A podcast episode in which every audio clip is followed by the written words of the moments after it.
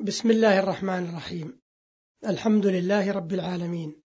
والصلاة والسلام على أشرف الأنبياء والمرسلين نبينا محمد وعلى آله وصحبه أجمعين. أيها المستمعون الكرام سلام الله عليكم ورحمته وبركاته. أما بعد فإن الحديث هنا سيدور حول قول الله تعالى لعلكم تتقون. حيث سيدور حول ما تحمله تلك الآية من هداية وما ترشد إليه من إرشاد. قال الله تبارك وتعالى في آية فرضية الصيام يا أيها الذين آمنوا كتب عليكم الصيام كما كتب على الذين من قبلكم لعلكم تتقون. فقد بين الله عز وجل في هذه الآية الحكمة من الصيام ألا وهي التقوى. فهي الحكمة الجامعة من تشريع الصيام. وكل درس وعبرة تحصل من صيام شهر رمضان إنما هي متفرعة من التقوى. والصيام من أكبر الحوافز لتحقيق التقوى وأحسن الطرق الموصلة إليها. والتقوى خير الزاد وخير اللباس ووصية الله للأولين والآخرين.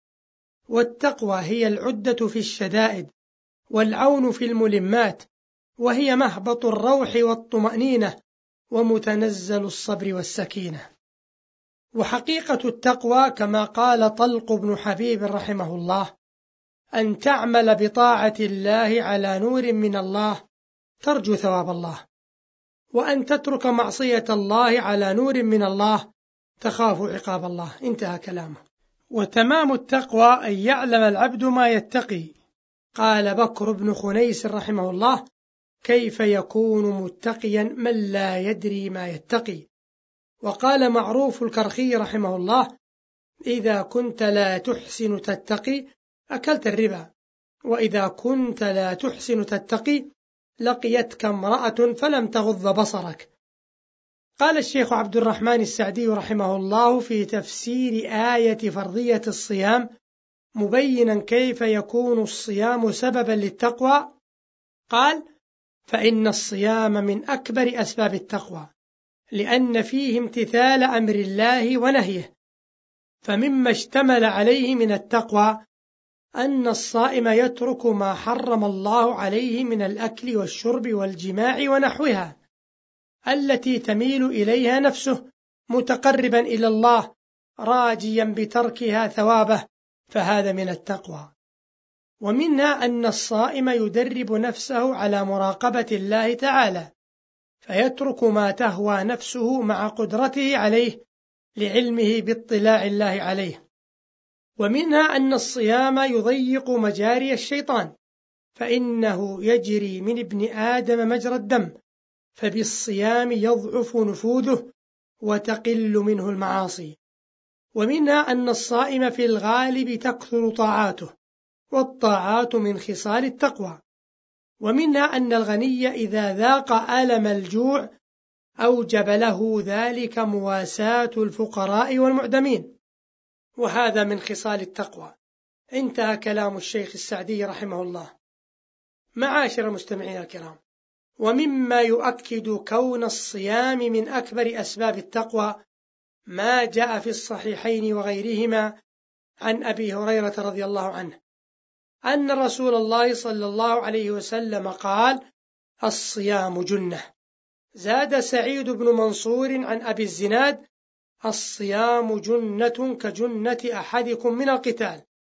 ولأحمد عن أبي هريرة رضي الله عنه جنة وحصن حصين من النار. وله من حديث أبي عبيدة بن الجراح رضي الله عنه الصيام جنة ما لم يخرقها. قال ابن حجر رحمه الله في شرح الحديث والجنة بضم الجيم الوقاية والستر. وقد تبين من هذه الروايات متعلق الستر وأنه من النار. وبهذا جزم ابن عبد البر وأما صاحب النهاية فقال معنى كونه جنة أي سترة يعني بحسب مشروعيته فينبغي للصائم أن يصونه مما يفسده وينقص ثوابه. وإليه الإشارة بقوله فإذا كان يوم صوم أحدكم فلا يرفث ويصح أن يراد أنه سترة بحسب فائدته وهو إضعاف شهوات النفس وإليه الإشارة بقوله يدع شهوته ويصح أن يراد أنه سترة بحسب ما يحصل من الثواب وتضعيف الحسنات. وقال عياض في الإكمال معناه سترة من الآثام أو من النار أو من جميع ذلك وبالأخير جزم النووي. وقال ابن العربي وإنما كان الصوم جنة لأنه إمساك عن الشهوات والنار محفوفة بالشهوات فالحاصل أنه إذا كف نفسه عن الشهوات في الدنيا كان ذلك ساترا له من النار في الآخرة. انتهى كلام ابن حجر رحمه الله. وهكذا معاشر المستمعين الكرام يتبين لنا شيء من معاني التقوى ومعنى كون الصوم جنة وأنه من أعظم أسباب اكتساب التقوى رزقنا الله التقوى وجعلنا من أهلها وصلى الله وسلم على نبينا محمد والسلام عليكم ورحمة الله وبركاته.